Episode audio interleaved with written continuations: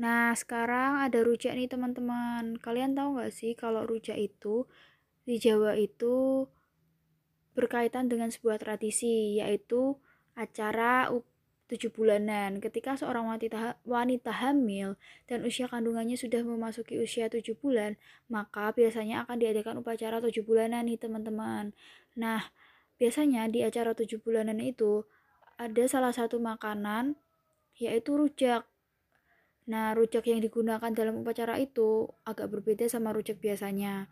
Rujak yang dipakai dalam upacara ini menggunakan bahan dari kulit bagian dalam kelapa muda yang dicincang sampai berbentuk seperti serat pendek dan kecil-kecil, lalu dicampur dengan cincangan kecil buah-buahan. Nah, seles biasanya rujak ini bakal dibagiin ke para tamu dan tentunya rujak ini ada mitosnya sesuai dengan rasanya ya teman-teman